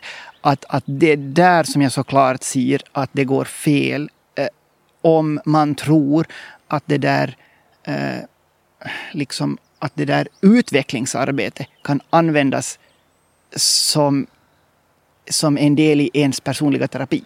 För det Ja. tror jag inte. På vilket sätt tror du, att- alltså, ser du att det händer? Alltså, till exempel väldigt konkret i ett sånt sammanhang om, om man sitter och har ett stort eh, seminarium eh, som handlar om stävjande av eh, övergrepp och trakasserier. Och någon framför att eh, eh, vi ska vara medvetna om att till exempel partnervåld är ganska reciprokt, går i bägge riktningar. Vi ska tänka helhetligt. Vi ska ta eh, trakasserier, övergrepp, våldtäkter på allvar. Vi ska också ta falska våldtäktsanklagelser på allvar. Och om det då sitter någon i det auditoriet eh, som säger att det där kan vi inte prata om. För att tänk om det sitter någon här som har en allvarlig övergreppsupplevelse och, och, och som blir väldigt stött av att höra det där. Ja. Då tycker jag att man har rätt och plikt och ansvar att konstatera att då sitter den personen i fel sammanhang. Om det är ett seminarium eller ett sammanhang som handlar om lösningsarbete, om Ja, utvecklingsarbete, ja. så är det inte en terapisession. Nej, nej, nej Mm, mm, exakt. mm. Nej men absolut. Absolut, och just i sådana sammanhang måste det kunna vara möjligt att prata om allt. Mm. På ett rätt så, alltså på ett sätt på ett känslomässigt frånkopplat sätt. Precis. Eh, På ett sätt för att inte helt och hållet för man, man pratar ändå om känsliga saker men alltså att alla frågor ska kunna lyftas. Precis. Sen tror jag ju också, om, om vi nu är en liten stund än kvar i det exemplet, så tror jag ju också att någon, någon som själv är i processen med att bearbeta sitt trauma, till exempel av ett övergrepp, nog kan fungera som kamratstöd åt någon annan som är i samma process. Det, det här, nu, nu tänker jag att så kan det gott och väl fungera. Så att nu Absolut. kan man ju ändå ha en funktion och stödja någon annan personligen fastän man själv går igenom den processen. Ja, ja. Men det är en annan sak än att verka i ett utvecklingsarbete på samhälleligt plan eh, i ett Absolut. lösningsperspektiv. Ja, men och det där absolut. blandar man tyvärr ihop ofta, Absolut. tycker jag. Mm. Ja men det är ju samma sak som att jag inte skulle sätta någon som ledare för ungdomar som själv inte har arbetat genom sina egna problem. Liksom. För att det blir liksom, de behöver en trygg person Mm. som kan finnas som stöd när de har sina värden upp och ner. Och, Mm. så här. Ja. Så att jag tycker det är ganska logiskt att olika personer på olika plats Mm. och inte så att en person som har jobbigt inte skulle kunna vara med och hjälpa till på något sätt. så det är ju, det är ju som, det behöver ju inte betyda allt eller inget utan Nej. bara att, att inte... Man måste bara vara lite noga med sammanhangen. I vilket sammanhang ska man verka? Absolut. Mm. Ja. Mm. Precis som man inte ska sätta mig och hjälpa till att styra budgeter till exempel. Det skulle inte vara så bra. Att, ja, jag menar, Mm. man har olika styrkor om Mm. vi säger så. Ja. Man måste veta sin plats, veta, veta var man passar in och vilka styrkor man har, var, var man ska använda dem. Mm. ja. Jag vet inte varför jag tog upp det. Vad har budgeten med det här att göra? Det var bara första jag kom har- på. du har ju vad, skulle, vad skulle jag inte passa till att göra? Göra budgeter, det skulle inte vara en bra sak. Ja, ja. Jag skulle, jag skulle sätta alla pengar på att, att ja, men folk måste väl få... Vi måste ju hjälpa, hjälpa folk som tar hand om folk. Det är liksom... och så sen bara, ja vi behöver också pengar till att bygga ut vägnätet. Jaha. alltså, lite så. Det skulle, alltså, jag, skulle, jag skulle ha svårt att se vikten av de här tekniska grejerna. Men jag skulle vara helt sådär att ja, drogförebyggande verksamhet, eh, människor som, eh, barn som inte har några föräldrar, det är jätteviktigt. Alltså alla sådana här Mm. Mjukare grejer skulle vara lätt att sätta pengar på. det skulle bli lite ensidigt. Ja. mm. Men återigen, var och, var och en på sin plats och alla, alla sorters uppgifter behövs. Jo, jo Mm. men så är det. Absolut. Du gör ju en jätteviktig uppgift i här. Jätteviktig uppgift här, ni båda, i, i det här. Så att det där, det... Ja, men det är roligt. Mm. Hur, ehm, hur ska ni nå ut mera? Ja, jag vet inte. Det, det tar vi gärna emot tips på. Vi skulle, behöva en person, vi skulle behöva en person som jobbar med oss i teamet som är bra på att nå ut på sociala medier och sånt. Mm. Eh, För att ingen av oss är jätteintresserade av sociala medier som är att Nej, Bygga alltså, ut det det tar och- ganska mycket energi av oss just för att vi är inte jätte... Det är ingen av oss som är bra på det, ingen av oss som är jätteivrig över det. Och vi bara inser att man behöver ju ha en person som är jättebra på att eh, nå ut till folk för att nå ut till folk. Mm. Ja. Eh, Så att eh, om Ja, någon som lyssnar förstås- känner sig manad att hjälpa Ja. till och jobba. Komsi, komsi. Så, jobba gratis jättemycket varje vecka. Fast det är ju alltså, det är ju inte jättemycket då, om man bara ska sköta sociala medier. Nej. Mm. Nej, För att vi har ju det... det, det, men fast det vet ju inte vi. Hör du? Hur, man, hur mycket man måste jobba om man ska göra det bra. Nej, nej, nej. Okej. Vi vet Men- bara hur mycket man måste jobba om man gör det halvbra. Ja, och hur mycket det känns som jobb eftersom att det inte är någonting som vi brinner för. Ja, exakt. Just att bara prata, liksom göra de här samtalen känns ju inte som jobb för att det känns jätte liksom som att det är rätt grej att göra för oss. Mm. Men det- så kanske det finns någon annan som har den grejen. Ja, som skulle exakt. kunna Ta Exakt. fina bilder. Ja, no, du tar ju också bra bilder. Och Ja, sådär, men- bilder får vi ju fixa. Ja, bilder får ni fixa. Men som skulle kunna ta de där bilderna, som, eh, de där fina bilderna som ni har och tar och, och använda dem i sociala medier på rätt plattformar vid rätt tidpunkter på rätt Absolut. sätt. Mm. Absolut, det är ju just sånt. Så det är nu förstås en, en aspekt, men sen så är det ju bara, alltså tanken är ju förstås så det generellt sett att det sprids genom eh, ord. Alltså folk som lyssnar tycker att det är fint och rekommenderar det åt andra och pratar om det. Det skulle spridas jättemycket om någon på riktigt skulle börja liksom skriv och, och prata skit om det vi gör och säger att hur tusan kan de sitta där och prata med vaccinmotståndare Linda Karlström eller eh, kvinnohatare Johan Nyman. och, och så blir det liksom Oj en rambambula kring det. För det epitet. Där fick jag ett nytt epitet. Den de slänger ut sådär bara epiteten. Ja, alltså man måste ju ge sån där pikar lite smått under Så, ytan. så nu det här, eh, det här fotot som din bror tog nu, sen när det kommer på Instagram så, så kommer det liksom en, en passlig hashtag till, till er eh, diskussionspartner här, så där, för att väcka lite intresse. Ja, nej, inte vet jag. Ja, nej men. Nej men alltså, det, ja, inte vet jag. Men alltså på samma gång, man måste ju bygga den här plattformen ganska långsamt tror jag. Så Mm. vi, vi kan ju, vi, jag tror inte att vi kan förvänta oss att den växer snabbare än vad den gör. Nej. Nej, det har ju växt ändå. Rätt så stadigt. Lite grann. Hela tiden.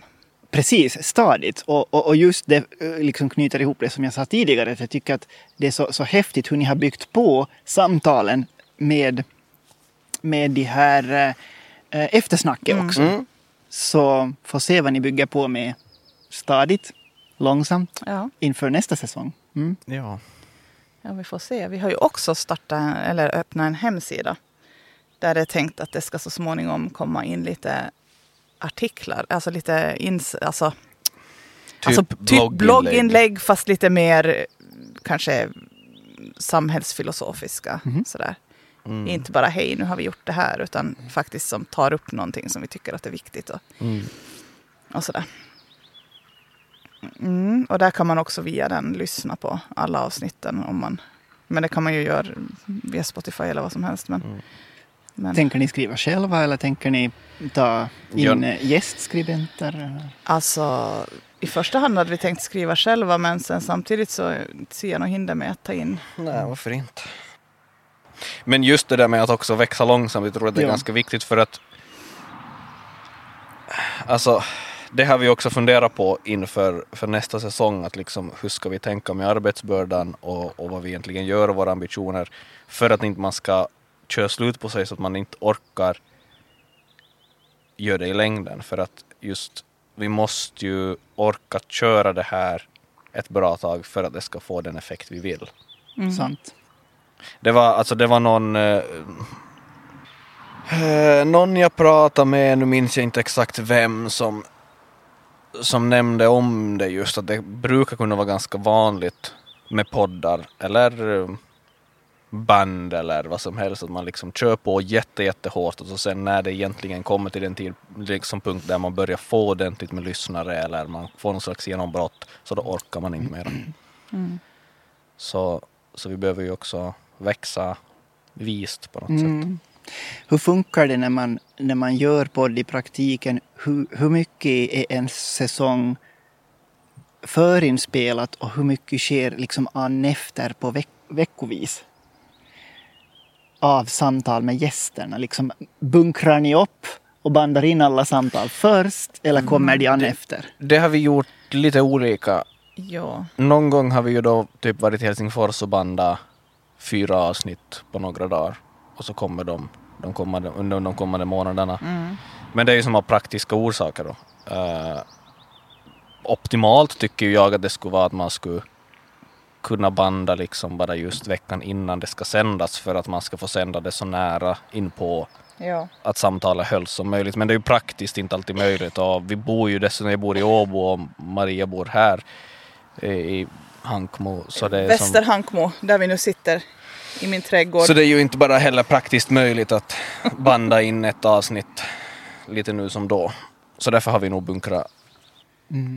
Men de, vi sänder dem alltid i samma ordning som vi bandade. ja. Just det.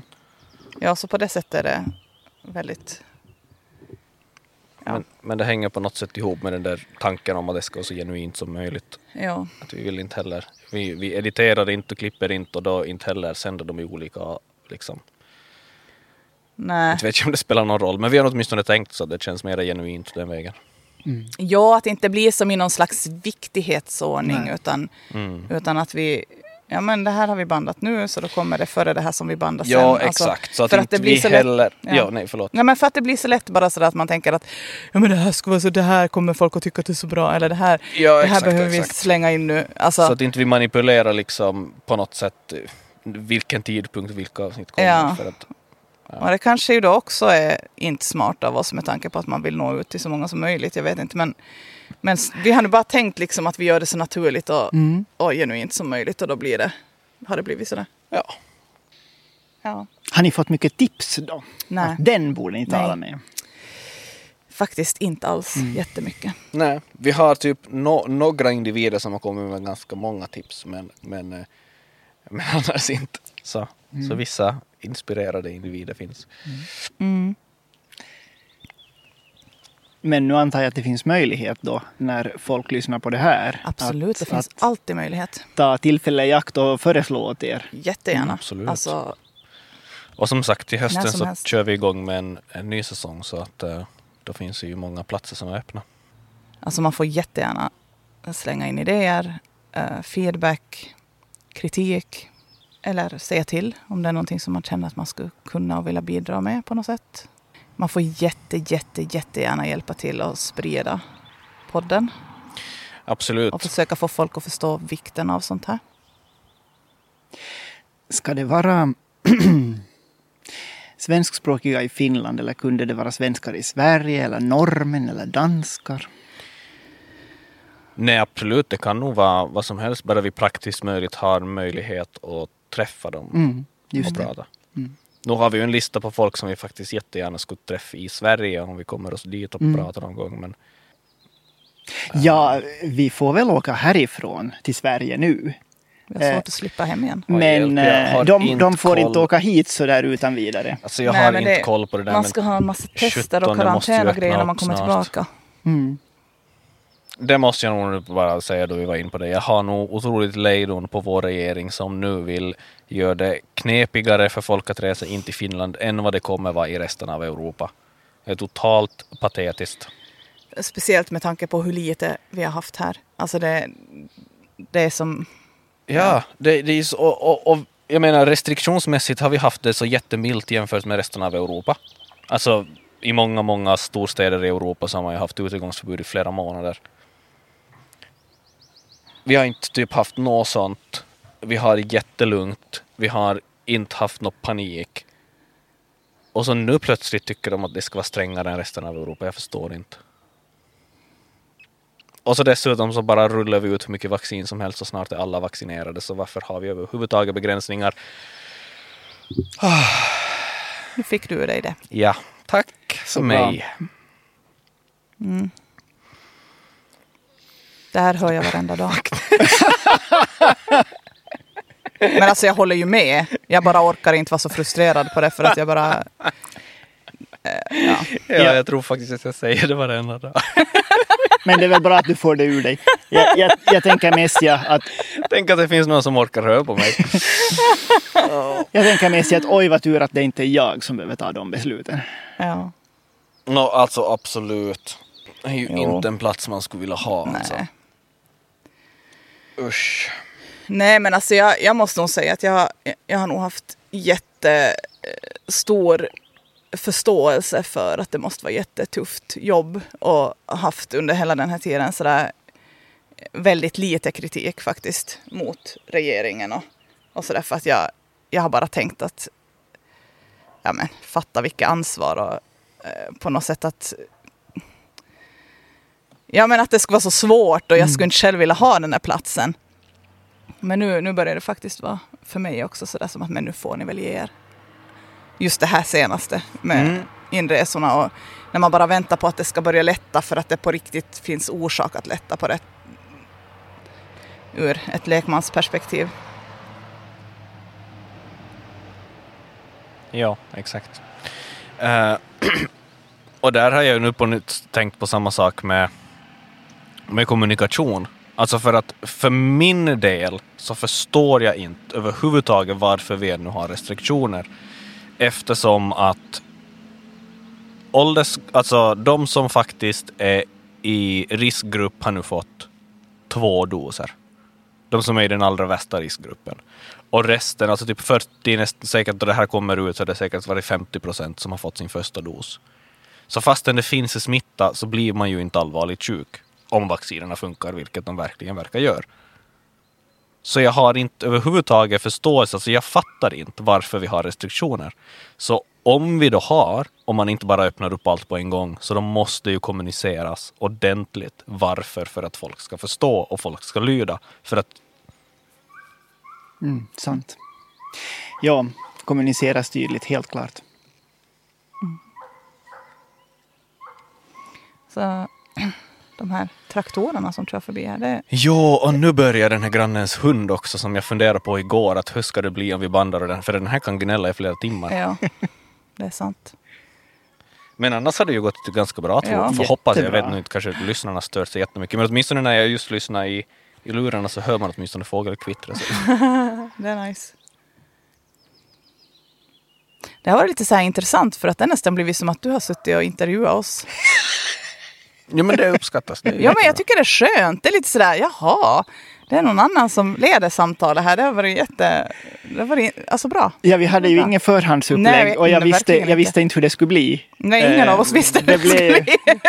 Det är som Men vanligt, ganska ingen, spännande. ingen agenda liksom. Vi Nej. bara sätter oss ner och... Nej men Ja. alltså jag tycker vi har pratat ganska bra om tidigare säsonger fast vi inte planerar hur vi skulle prata om Ja. tidigare säsongen. Och... Ja, Ja, det vi, det vi inte har nämnt, som jag ska vilja nämna ännu, okej. så var hur mycket jag uppskattar vårt första avsnitt i säsongen Med pö. med Pö. Mm. För att Pö, Verkligen. Pö var alltså, jag tycker det var så starkt av honom att sitta och berätta precis all sårbarhet och Patrik Östman. ja, Mm. att berätta precis hur inte han hade allting på klart överhuvudtaget. Det, det reagerar jag också Alltså på. jag bara, Mm. så uppfriskande att bara Verkligen. liksom lyssna på någon som berättar hela processen på något sätt. Och, Och inte berätta det som att man levererar enkla svar på de här frågorna. nej, exakt. Och det, det gjorde också att, att jag bara, ja men jag, det var bara så skönt. Jag tyckte att det var så otroligt Mm. bra avsnitt. Väldigt bra. Och Mm. jag- jag blev så ledsen efteråt när jag fick höra att han hade fått kritik av människor, Han har blivit kallad transofob. av, av sådana som Va? höll på att arbeta på något sätt med Pride, förstår jag. Han, ja. Det var, nej, Nej, men det var inom någon or, sån här organisation. Någon, va? ja, nej, nej, säg inte. Någon, någon inom någon organisation som hade... Alltså, jag, jag, han sa de här Pride-människorna, jag vet inte. I don't know. Och det är nog som otroligt magstarkt att komma och kalla någon som liksom öppet berättar om sin process med att byta kön. Och, Ja, att då, han Och- hade fått höra att han inte skulle ha fått berätt, säga på det där sättet. Han skulle inte ha fått prata. Och hur kan man säga då till en människa som går igenom de där sakerna Nej, men själv? va? Han måste väl få prata ur sitt perspektiv och om sina upplevelser. Ingen annan kan väl komma och säga att du skulle inte ha fått prata om det där för att det ger en dålig bild av transsexuella. eller inte passar in i ett Ja. politiskt liksom, agenda eller whatever. Det är så Nej men vad förvånande. absurt. Ja, jag blev vet- jätteledsen för att jag tyckte att det var så starkt och bra att han vågar vara sig själv och inte bara leverera någonting. Det var just det jag reagerade Ja. också på. Att, att det var liksom... Det, det, det var så öppensinnat och, och... Ja, just så där att all...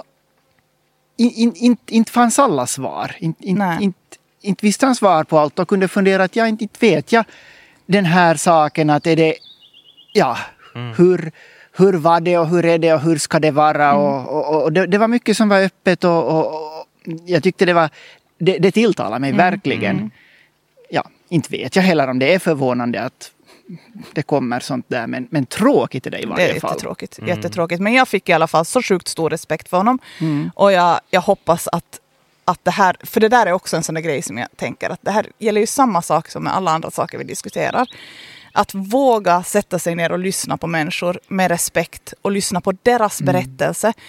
Och inte bara sitta med förutfattade meningar om att så här måste den här människan tänka för att den här människan är då transsexuell eller den här människan är troende eller den här människan är alkoholist eller den här alltså att man inte tänker på förhand att jag vet vad den här människan kommer att tycka och tänka och om de inte säger det som passar in så då vill jag inte ha det här samtalet. Alltså det blir liksom jättekonstigt. Ja. Så jag hoppas att, att, det, att han vågar vara modig, att det på något sätt öppnar folks ögon också och, och öppnar upp för att folk ska våga prata med människor som de upplever är kanske väldigt annorlunda än sig själv. Än en Ja. själv. Alltså jag kan ju nog säga att det där samtalet gjorde mig alltså ganska mycket för att för att själv bara jag vet inte, lära mig att prata om de där frågorna. Uh, som jag tycker att det var jätte, jätte alltså lärorikt och Mm. otroligt fräscht. Att just att han var så öppen och, och, och vågade vara så sårbar och, och det gick. Jag menar, jag, jag sa ju, jag hade ju mina sådana där basic dumma frågor som jag ville ställa åt honom och det gick hur bra som helst fastän det liksom Mm. Fast du fick ju också höra sen efteråt att du har använt fel ord på saker. Ja, Jaha, alltså det var ju intressant. Vi fick ju en kommentar på, på Instagram.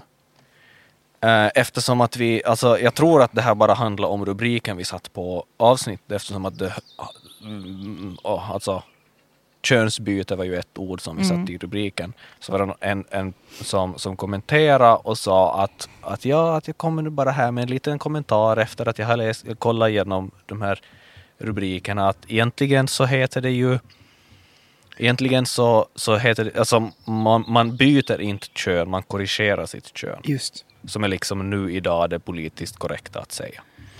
Och det där var ju en sak som vi dessutom pratade om i samtalet. Där Patrik var sådär att, "Nå men, alltså, han tycker inte att det är så viktigt, eller han förstår inte riktigt varför, varför just det där ordvalet är så stor skillnad. Ja. Och han Vi- sa vi- också att han inte tror att man kan byta kön. Ja, jo, jo. jo Men det var, ju, det var ju hans, alltså ja. Mm. Ja, men alltså liksom utgående från samtalet vi hade med honom kan man inte påstå att det var problematiskt egentligen att vi hade ordvalet könsbyte som liksom i rubriken. Eh, eller att vi skulle borde haft könskorrigering eftersom att vi pratar om det ordet. Mm. Så det kändes också ganska sådär tondövt på något sätt att komma med en sån kommentar.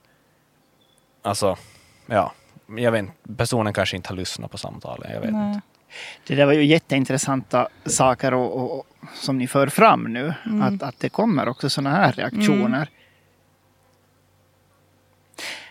Sen, en annan aspekt i det avsnittet som var så bra också var att det var på dialekt. Ja, eller hur? Mm. Och, och, och det vill jag så varmt uppmuntra till att ni fortsätter med att om ni har poddgäster som, som har dialekt som modersmål att uppmuntra De dem att prata. tala Mm. det. Det ja, är ett så viktig, det är en så Mm. viktig sak Ja, det, för det är in- roligt in- att höra. inte bara för eh, liksom den eh, dialektförståelsen inom Svensk-Finland, men det gör också att man tvingas vänja och finjustera sina öron till olika dialekter och då får man på köpet också norska dialekter och danska dialekter och så vidare. Och, och bli bättre på att, att lära sig dem. Så jag, jag har liksom en nordisk agenda i det här också när jag säger det. Mm. Ja men det är jätteroligt att höra. För att det är nog en sak som vi tänkte att var självklart redan från början då vi började fundera på, på podden hur vi ska göra det. Att dialekterna ska vi inte göra något som helst ursäkter för. Mm. Men då ska du nog höra på avsnittet med, med Hanna Lagerström också. Det ska jag göra. Varifrån var hon nu igen? Eh, Hon Korsnäs. är typ Korsnäs, Åh, Närpes, just någonting det. sånt. Ja, wow, det ska jag göra. Mm. Hörni, det här var ju jättebra det. Jätteroligt att sitta och prata med er. Det var roligt och nu kom skuggan. Nu kom skuggan, då kommer myggorna, då ska vi nog avsluta. Ja. Tack ska ni ha, det var Ja, jätteroligt att jag fick Otroligt komma. kul. Det, det är alltid jätteroligt att uh, umgås med er och prata med er. Ja, detsamma. ja, det var roligt. Nu sätter jag av.